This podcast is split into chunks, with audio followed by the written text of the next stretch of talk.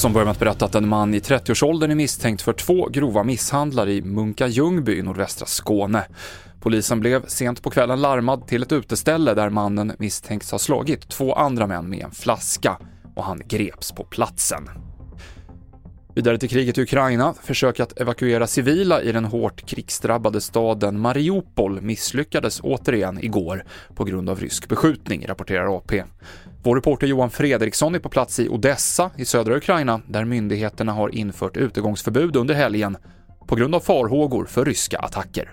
Ja, det här är en miljonstad som tappat en stor del av sin befolkning förstås och eh, flyktingströmmarna växer när man också har infört eh, utegångsförbud och flaggat för att eh, den ryska sjöstridsflottan som finns ute i Svarta havet här utanför förbereder sig för någon typ av attack. Man har det här utegångsförbudet för att man verkligen vill värna om civilbefolkningen.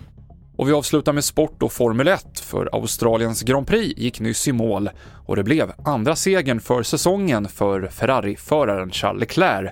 Han vann före Sergio Perez och George Russell. Fler nyheter hittar du i vår app TV4 Nyheterna. Jag heter Mikael Klintevall.